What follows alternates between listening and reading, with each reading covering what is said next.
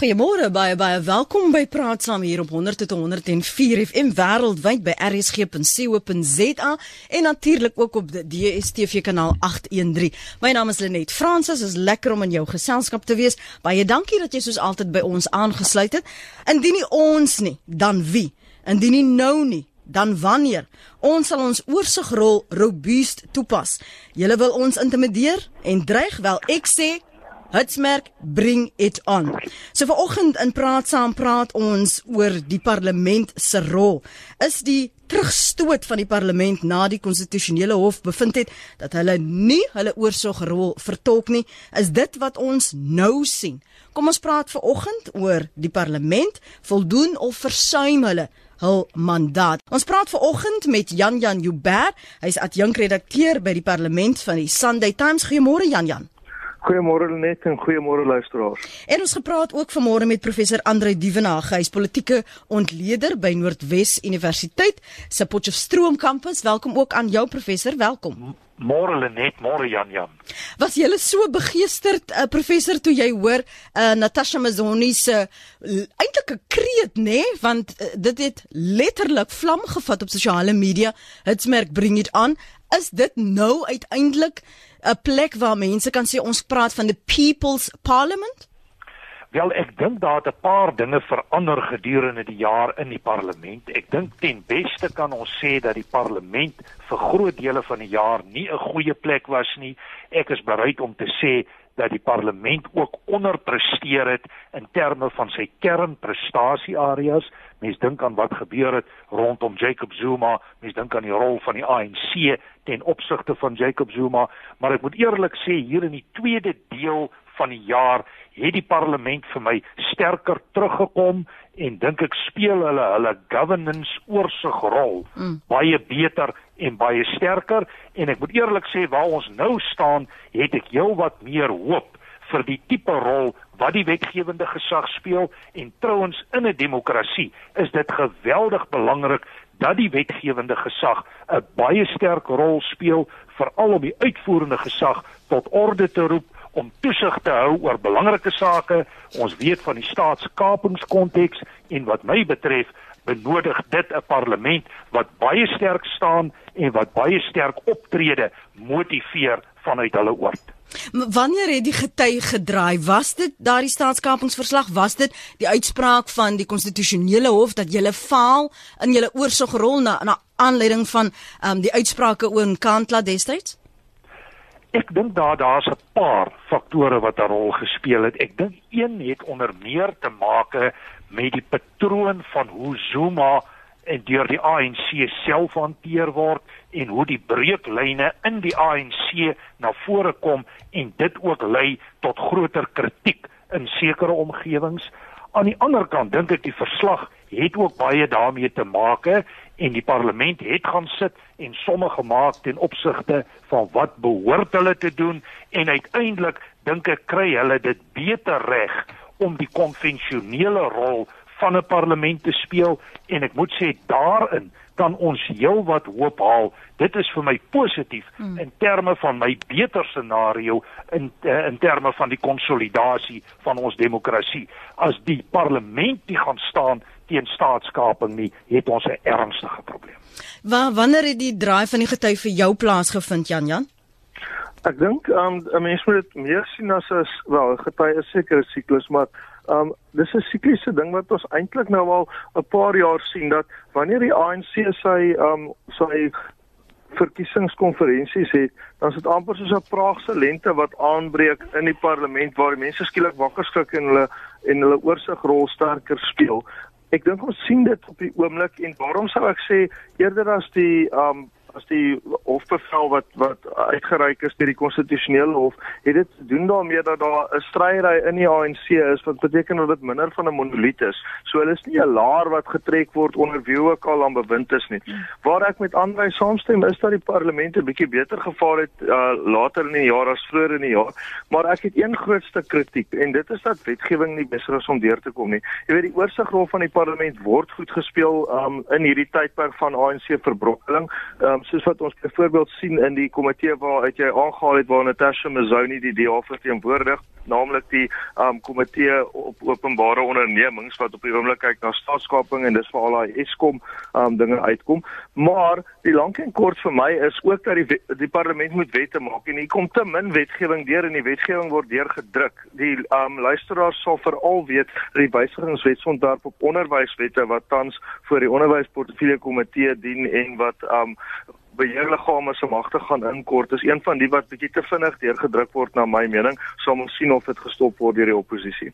Kom ons gaan net gou 'n bietjie terug want Andre jy het, het aanvanklik gesê daar jy het meer hoop nou in die tweede deel van die jaar. Wat wat het jy geplan ter in die eerste deel van die jaar? Want om ons ook onthou die die die debatte in die parlement totdat ons hierdie kommissies nou gesien het was nie so wat hulle mense sê so vatbaar en vlambaar en wel ons wil almal nou eintlik kyk wat daar gebeur. Dit was nie dit het nie daardie energie gehad as wat ons nou sien nie. Lenet, my groot probleem met die parlement, beginnende by die staatsrede, was die vlakke van onstabiliteit, die gebrek aan dissipline. En op 'n stadium sou ek die parlement ten beste kon beskryf as 'n totaal chaotiese stelsel. En Jan Jan is reg, die kernwerk van 'n parlement is om wette te maak. Nou as jy in so 'n mate van chaos verval, hoe kan jy wette maak? Hoe kan jy die oorsigrol vervul?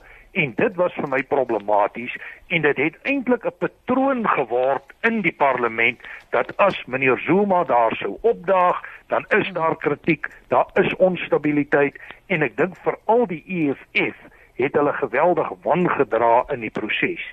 En my kyk daarop is dat die uh, parlement is ons hoogste wetgewende gesag.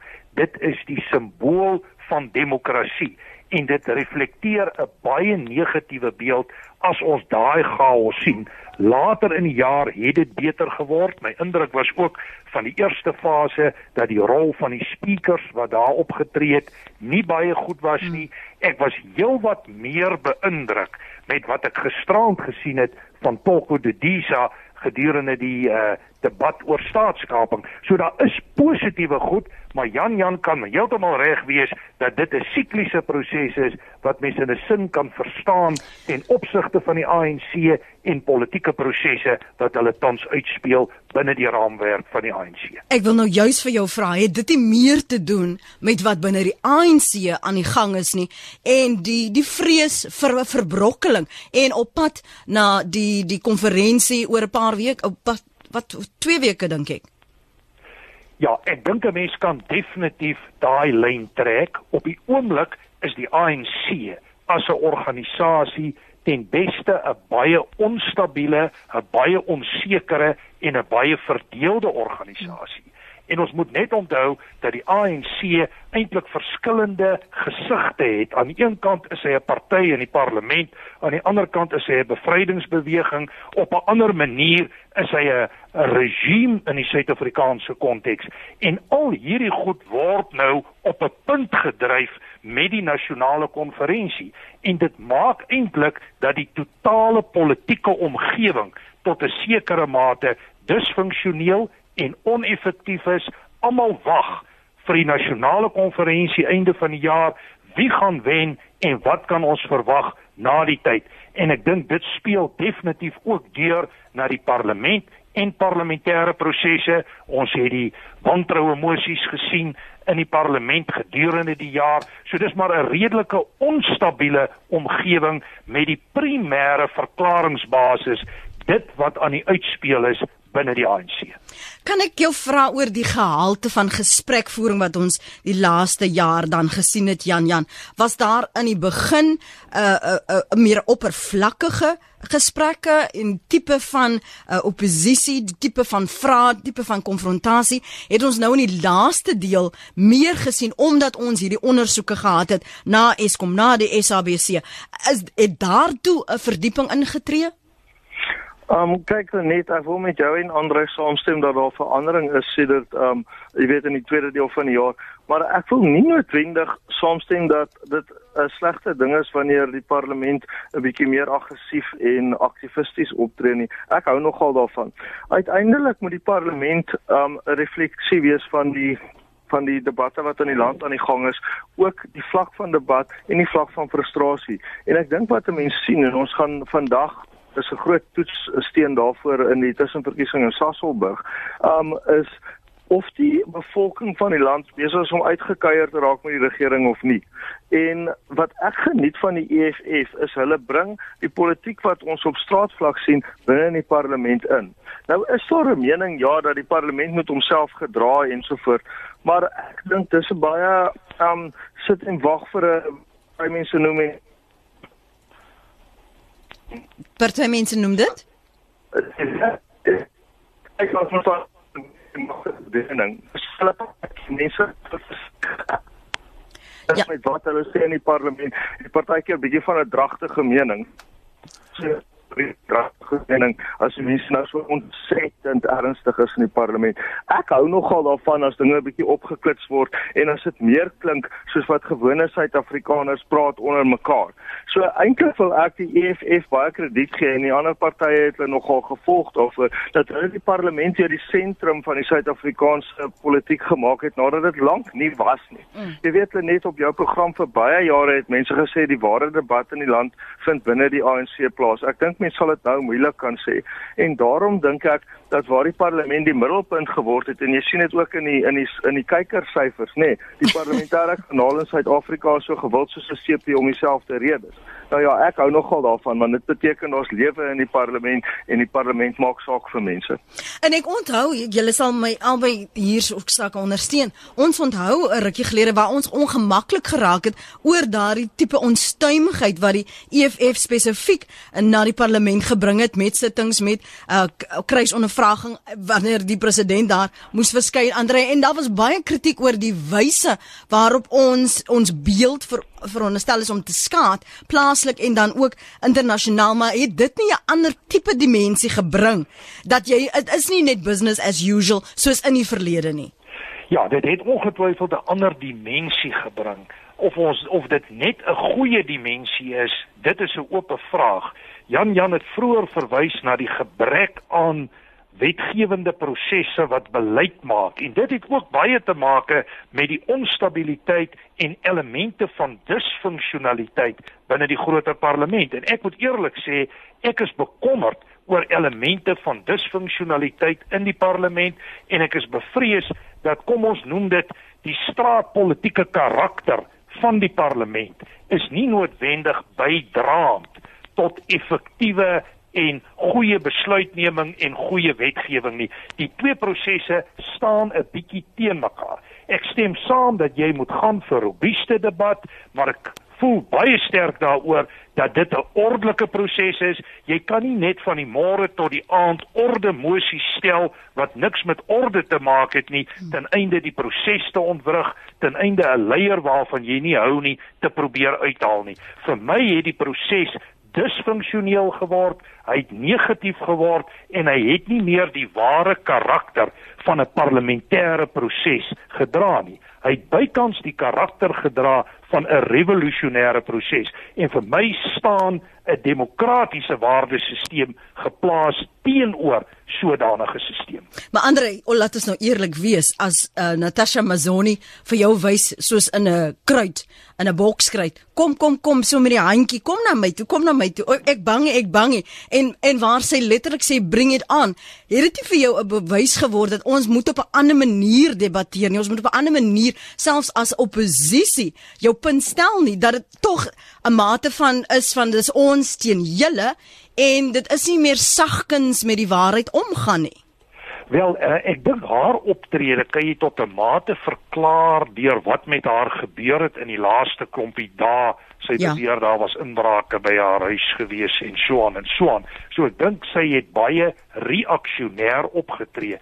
My vraag sou wees, dra dit werklik by tot die groter saak wat ons hier probeer dien en dit is goeie wetgewing in terme van demokratiese prosesse wat goed gefundeer is en ek moet eerlik sê die vorm van reaksiepolitiek die forme van konflik en dan moet dit altyd konflik in politiek wees is vir my tot 'n sekere mate problematies vir alles dit die punt bereik waar dit gewelddadig kan raak so ek ek sien goeie harde gesprek binne 'n goeie struktuur as positief. Die moment as die struktuur begin pad gee onder die prosesse. In ander woorde, daar waar die mobilisasie hmm. sterker word as die vlakke wat die struktuur kan hanteer, dan hardloop jy in 'n probleem in. Nou ek weet daar is teorieë wat sê ja, kom ons eh, dis deelnemende demokrasie en mense moet aktivisties wees. Daar is interpretasies in die verband, maar iewerster moet ons ook kyk na die kernbesigheid. Hoe kan ons dit struktureer? Hoe kan ons uitsette lewer en watter rol spel is die beste in die verband? Wat is die kernbesigheid dan van die parlement Jan Jan? Die, die parlement het verskillende ehm um, take. Die eerste daarvan en uh, belangrikste is wetgewing want dit raak ons almal se lewens. Die tweede is die oorsigrol waarna Andre verwys het. Die derde is om 'n forum van debat te wees en dit sien ons baie goed en dit is 'n ding wat ehm um, miskien bygedra het tot hierdie wat almal wat jy en Andre na verwys as die verbetering van debat in die parlement. Daar's 'n nuwe ding wat ingekom het waarvan gisteraand 'n voorbeeld was. Aan die einde van die verrigtinge elke Dinsdag is daar daar wat hulle noem 'n onderwerp van bespreking. Dit mm. word toegewys aan die partye op proporsionele grondslag. So elke party kry 'n kans om um, 'n um, onderwerp van bespreking aan te vra wat dan tot 'n debat lei. En dis gewoonlik dinge wat in die openbare oog is. Gisteraand se was oor um staatskaping en is aangevra deur die DA hoofsweep John Steenhuisen en dit gee wat my aanbetref 'n baie goeie kans vir die land om bietjie sy bloeddruk te laat sak, om 'n bietjie die stoom te laat uitkom. Um dit is 'n ding waar baie krediet gegee kan word aan Jackson Tembo, die uitstekende hoofsweep van die ANC. Dit was sy idee gewees. En wat dit maak is dat die um spyskaart wat jy elke dag vir die parlement ontvang as ek so kan sê van debatte is nie meer heeltemal voorgeskryf deur die ANC en die, die oppositie kry nou ook 'n kans. So ek dink waar ons sê dat die debatte in die parlement verbeter het, kan baie krediet gegee word aan daai stelsel wat veral op 'n Dinsdagmiddag dan deurkom. Mm. Kom ons hoor gou wat sê ons luisteraars kon nie. Ek dink jy's op lyn 3. Môre. Môre net die twee gaste. Ja, as ons nou praat van die sigtigheid by die parlement, dink ek kan ons begin ons demokrasie eerstens vereis dan die sigtigheid. En dit sluit in dat ons ook 'n ingeligte gemeenskap is. Maar om terug te kom na die parlement se grondwetlike plig. Net ek dink die uitvoerende gesag is tog verantwoordbaar. Uh ek sien 'n probleem binne die parlementêre prosedures. En uh ons weet nou maart volgende jaar sal dit nou 2 jaar wees wat uh daar bevind is dat uh, president Zuma uh sy kantoor se eet geskend het en as ook die grondwet. Nou my probleem lê daarin Daar was toe hierdie moesie van wantroue wat nie geslaag het nie. Sommige so terloops, ons sien natuurlik dat Jackson Tembo van Jan Janu net gepraat het en Gwedi Mantashe is elke dag in die nuus. Ja. Maar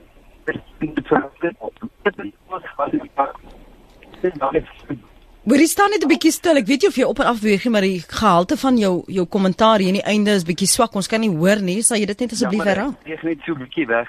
Goed. Dat uh, hulle het die kans gehad in die parlement met die moesie van wantroue en nou na die tyd het hulle hulle monde vol oor die president moet verwyder word en hulle kruip weg agter ek weet nie wat nie kom kom ons terugkom na die konstitusionele uh, hof uh, ek dink die hof kan natuurlik uh, die parlement beveel om sy grondwetlike plig uit te voer. As ons dan kyk uh, nou ondanks hierdie konstitusionele hof 'n bevel gegee en 'n oor dat daar 'n oorsigrol ingeneem kan word uh oor byvoorbeeld SASSA Uh my vraag is dan aan die gaste kan die hof ook so bevel maak dat die parlement se werk moet doen want op die oomblik geskied dit nie. Mooi dag hier. Moenie weggaan nie, moenie weggaan nie. Goed, ek hulle kan nou daarop reageer. Ek wil vir jou vra, voel jy dat wat jy die afgelope jaar gesien het dat jy voel meer ingelig dat die parlement en die lede, die lede van die parlement hulle rol wat jy van hulle verwag vervul of voel jy daar moet meer opies gedebatteer word en gekonfronteer word? Net ek dink hulle kan verder debatteer en debatteer. Maar uh, as ons kyk byvoorbeeld na die speaker, daar's 'n doodloopstraat. Ek dink die debat word gevoer, maar daar niks niks gebeur regtig nie. So ek ek dink nie uh, nog 'n verdere debat gaan help nie.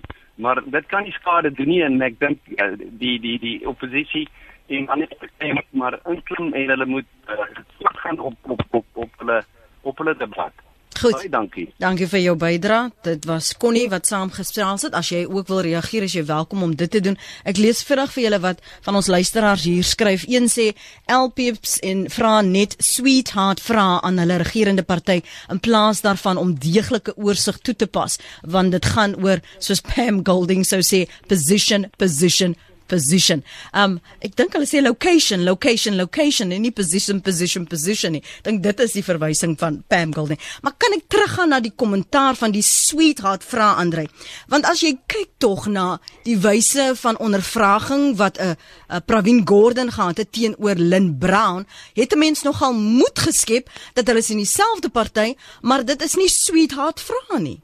Ja, inderdaad, dis hoekom ek oor die tweede deel van die jaar se optrede in die parlement meer positief voel. Ek het gevoel die kritiese rol het sterker deurgekom. Natuurlik moet mens daarom ook sê dat Pravin Gordhan 'n bietjie in 'n ander klas lê as Lynn Brown, so ek dink 'n mens sou verskillende aanslae gevolg het teenoor die persone, maar die groot saak wat my bekommer is en dit is deur 'n vorige inbeller ook op 'n manier genoem, is dat ten spyte van teregwysings vanuit die regsomgewing en die konstitusionele hof het die ANC en Jackson Mthembu was ook deel daarvan gebly om die president te beskerm.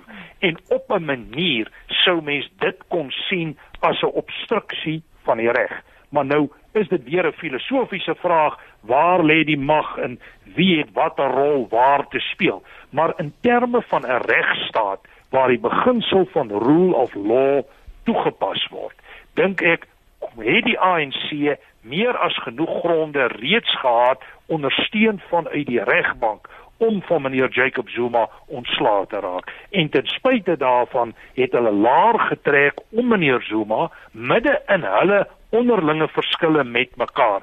En ek het dit nogal beleef as redelik problematies en ek dink dit is vir my nie in lyn met sentrale demokratiese beginsels nie. Ek kan dit weliswaar verklaar vanuit magspolitiek en 'n klomp ander redes waarom die uitval is wat hy is, maar vanuit 'n streng demokraties grondwetlike beginsel met die oppergesag van die reg as norm is dit vir my tog problematies en dink ek sou mens baie ANC lede hiervoor aanspreeklik kon hou. Kan ons terugkeer na die die ondersoeke en die die kommissies, die verskillende portefeulje komitees wat uh, ons gehad het die afgelope jaar en nou die gesprek daar.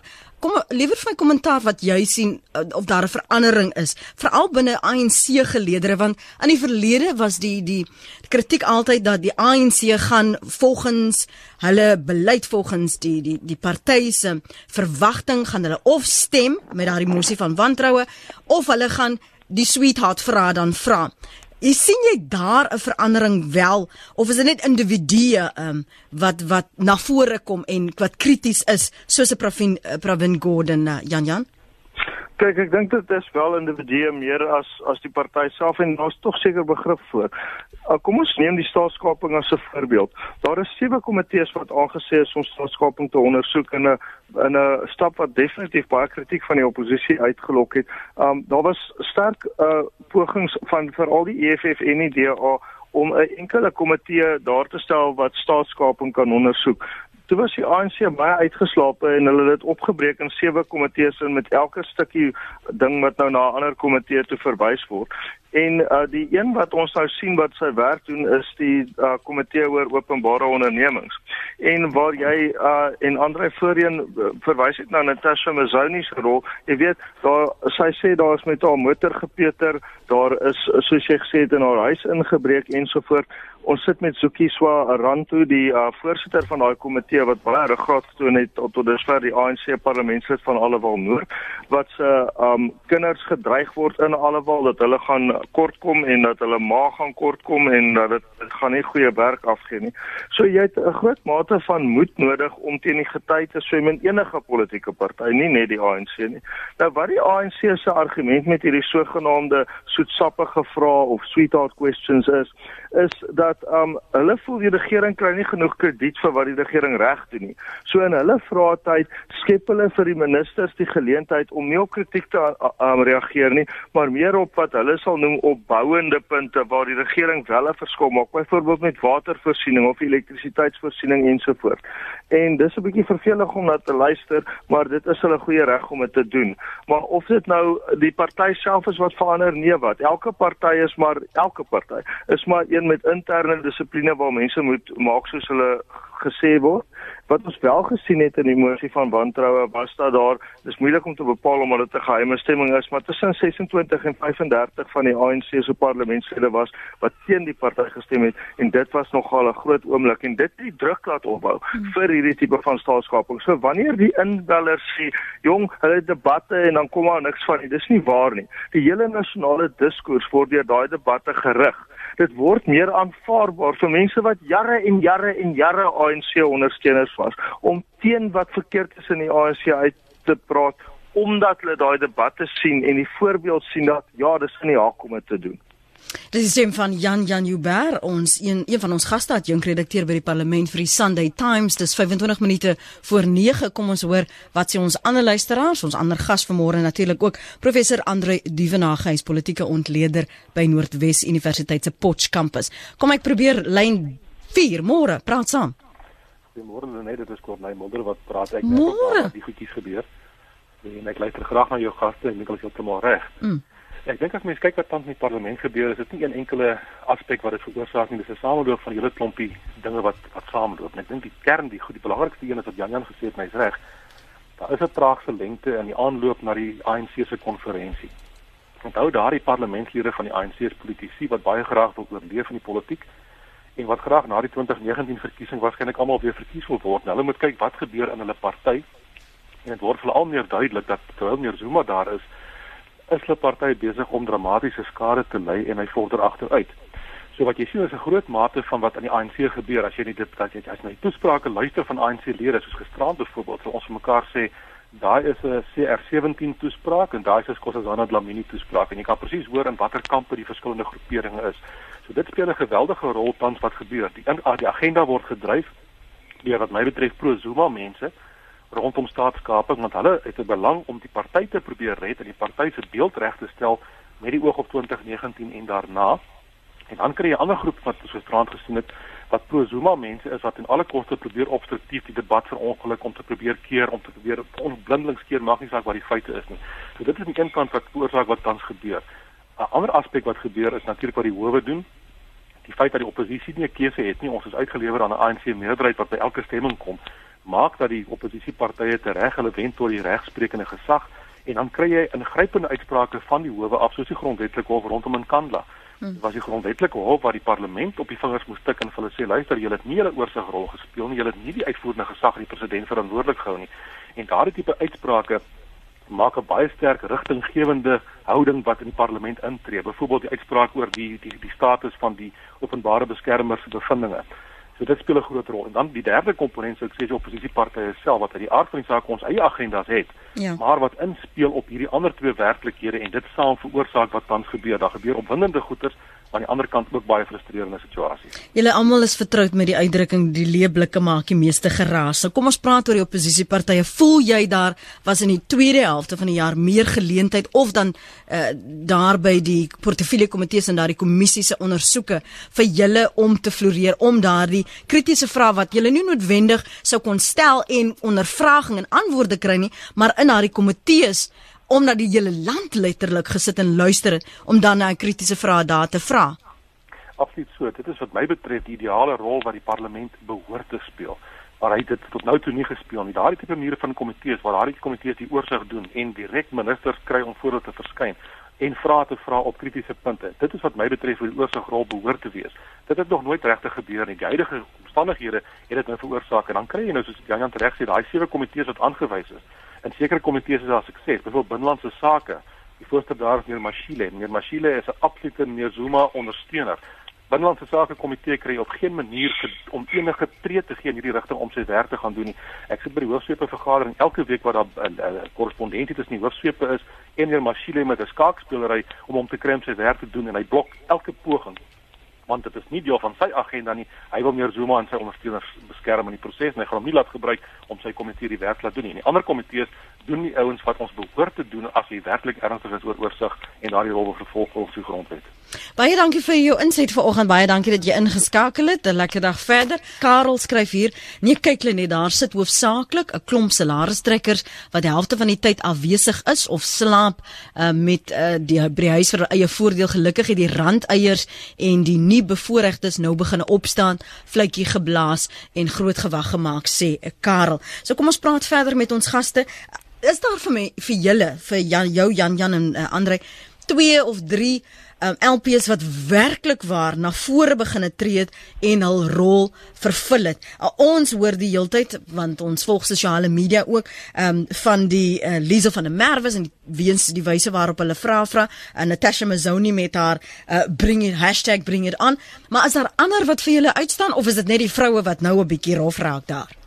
Jan Jan. Nee wat um, nee wat kyk um die verskeidenheid van die land word in die parlement verspeel en Karel kan maar weet um wat julle op die TV sien is al 'n baie klein deeltjie van wat die parlement doen.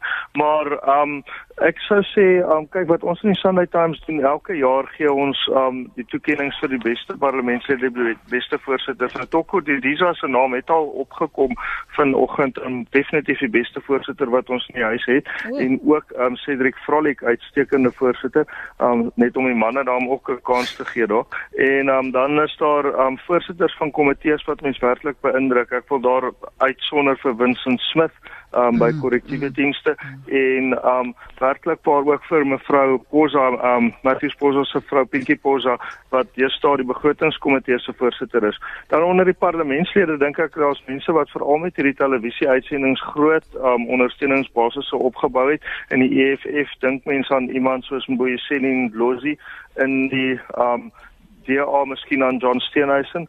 So nee, um, ek sou nou nie heeltemal, jy weet vroue maand is hom nou ook al 'n rukkie verby. Ek Nee nee nee, asseblief laat ons nou nie daar begin nie. Laat ons nou nie daar begin en en dink vroue mag net in in 'n vroue maand praat jy Jan Jan. Hitsmerk bring it on as jy nou 'n geveg bek geveg wil.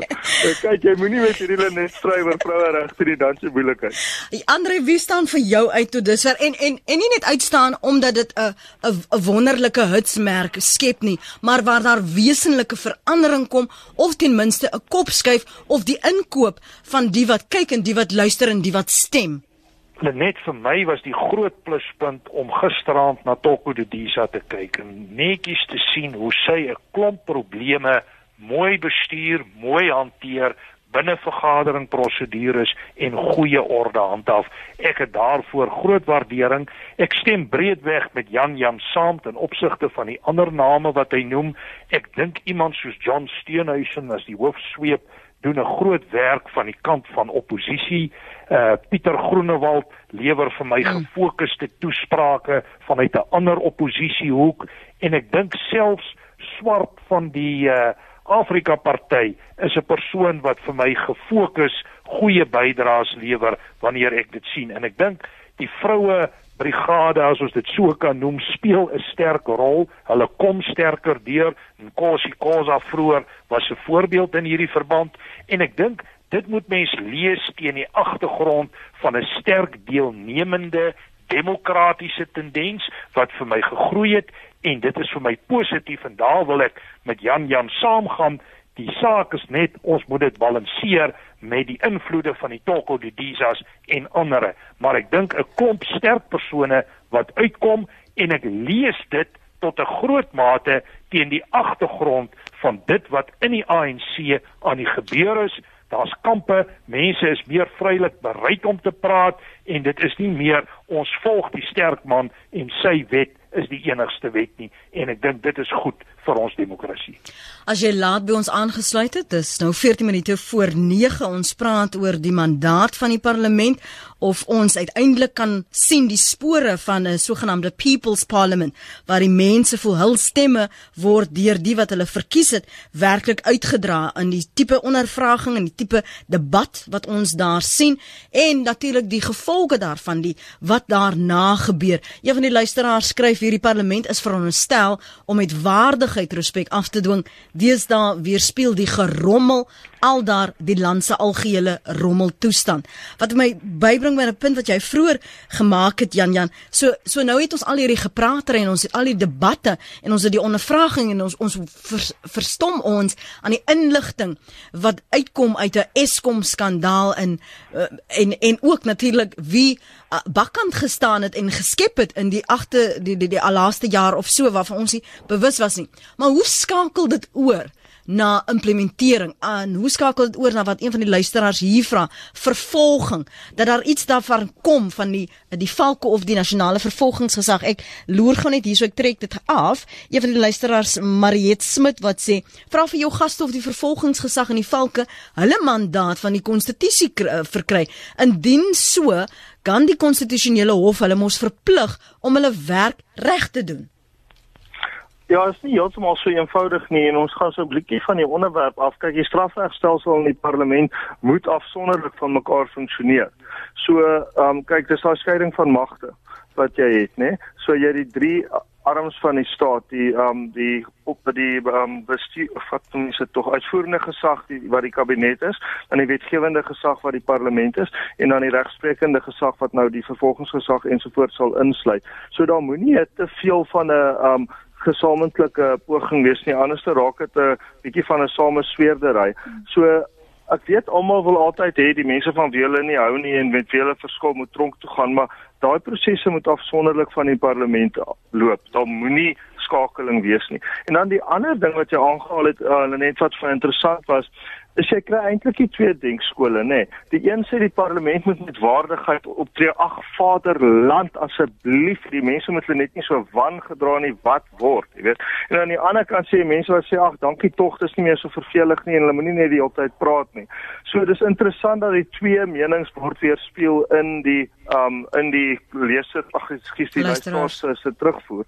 Nou um is dit natuurlik so dat waar jy so 'n standpunt het aan een kant en 'n standpunt aan die ander, is daar 'n hengse groot grys gebied. En is daai grys gebied waarin die parlement funksioneer. Daar's 'n mate van waardigheid, daar's 'n mate van lawaai en erns tussen die twee vind die Suid-Afrikaanse identiteit plaas. Maar met al hierdie ehm um, waardigheid of onwaardige gedrag, Andre word die wat luister, word die belastingbetalers, word die kiesers werklik ingelig? Vind jy dat daar al hoe meer waarhede en ek gaan dit maar nou in aanhalingstekens is sit na vore kom wat wat vir my kan laat voel ons maak vordering, on, ons skep hoop, ons is besig om die onkruid uit te roei.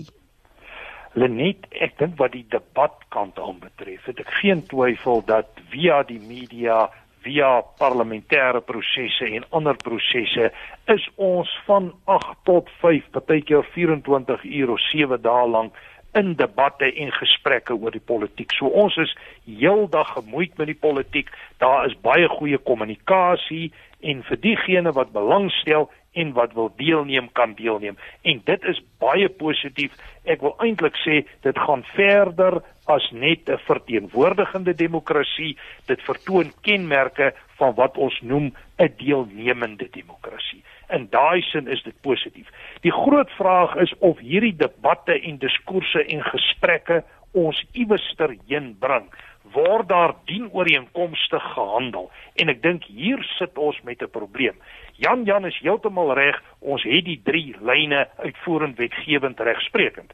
Maar as jy die teorie mooi gaan kyk, dan sê jy ook uitvind dat hierdie drie silo's moet met mekaar praat. Daar moet skakeling wees en ek is bevrees baie keer val tussen die hand en die mond val die pap op die grond en ek dink hier sit ons met 'n ernstige probleem. En ek is bevrees dat baie goed wat deur die parlement beweeg nie altyd doelmatig deur hetsy die regsprekende of die uitvoerende gesag en met die regsprekende gesag bedoel ek spesifiek die strafregstelsel hanteer word nie. Van daardie frustrasie van die inbeller. En ek dink miskien kan ons sterker werk aan samewerking en samehang tussen hierdie drie lyne binne die sogenaamde trias politika. Gepraat van samewerking en samehang, Louis van Niekerk skryf op ons webblad rsg.co.za. As ek verkeerd as ek kyk na al hierdie kommissies dat daar meer in die gange tussen die LPs gepraat word, veral tussen die oppositie en die ANC-lede. Ek sien werklik waar dat daar 'n gemeenskaplike en samewerking by hierdie komitees is. Jan Jan, jy loop in die gange, merk jy dit ook op? Mens werk dit op, is nie altyd in die gange nie, dis partykeer ja, soos hulle sal sê van die kampus af. Maar jy sien, dis waar reg en geregtigheid met mekaar saam saamhang of bots. Um wat so iets soos reg. Met ander woorde, um wat hulle sal sê, wel die Engels is eintlik beter wat albei se woord is justice, maar dit beteken twee verskillende goeters. Aan die een kant um moet die partye binne hulle partye um dissipline ensovoorts hê. Maar aan die ander en dit is soort van as ek kan sê reg. Maar geregtigheid geskied ook. En dit is dat daar is ook goeie en slegte mense en partykeer kom goeie mense en slegte mense kom tog in alle partye voor. So partykeer neem die goeie mense mekaar se hande oor partygrense heen en dis wanneer die parlement effektief werk en dis wat ons byvoorbeeld op die oomblik sien in hierdie staatskapingskomitee van die parlementêre komitee oor openbare ondernemings waar die goeie mense bymekaar gekom het. Ek weet nie vir hoe lank nog nie. Ek wonder wat gaan gebeur na die ANC konferensie op ja. eenheid eenheid, jy weet. Maar op die oomblik soek hulle waarheid, waarheid en dis nogal lekker. Maar maar gepraat van hierdie die justice wa, waarna jy verwys. Kom ek lees gou vir julle wat skryf ons luisteraars hier en dis wat ek optel na aanleiding van goed ons het al hierdie antwoorde maar wat word van die mense waar waar is die justice dan? Um Nick Rautenbach skryf en Nick dit's bietjie lank so ek gaan net 'n paar grepe hier aanhaal. Daar is nog te veel ondersteuning vir die parlement op grond van ras in plaas van 'n waardesisteem. Die kriminele gaan net weer wegkom omdat die hele struktuur oor tyd in hul guns omgebou was. Ek is woedend en ek wil hê hierdie kriminele gespuis moet van hulle poste onthef word en toegesluit word. Geen standbeelde, verering en vet pensioene nie. So so wat help dit ons as ons al hierdie onthullings het en niks kom daarvan nie. Daar is nie vervolging nie. Niemand word verantwoordbaar gehou nie. Ons kyk na die ontkennings en die ontduikings in die live is dit die many verhoor byvoorbeeld en gesprekke daar, die ondersoek. Wat help dit ons om al hierdie komitees te hê en ons voel nie daai justice of daai regverdigheid die vind plaas nie, Andrej? Ja, ek dink Jan Jan is reg. Hier is meer as een interpretasie van justice hier. Maar dis basies die punt wat ek ook vroeër gemaak het dat ons praat geweldig baie, ons het geweldig baie versla, maar ons handel nie dien ooreenkomstig nie. En 'n mens kan bloot begin by die president en vra, hoe kan die president die spionasiebande saga ontsnap vir 8 jaar dat daar nie behoorlik gehandel is nie. Hoe kan mens 'n Brian Molefe akkommodeer in die weermag op die oomblik na alles wat hy gedoen het en wat teen hom staan en die saak dien vandag ook weer teen hom en dit maak die mense ongelukkig. Hier's 'n stuk onreg in die land wat aangespreek moet word en ek dink dit lê meer by uitvoering en regspreking as wat dit lê by die parlement. Die parlement weliswaar 'n oorsigfunksie kan rigting gee, maar ons probleem lê by handeling en my verklaring vir dit is enerzijds 'n onwilligheid op op te tree wat met tye neig na die punt toe van subordinasie en aan die ander kant gewoon 'n oneffektiewe verswakkende staat wat eintlik nie meer by magte is om regtig die grondwet oorent te kan hou en in stand te hou nie.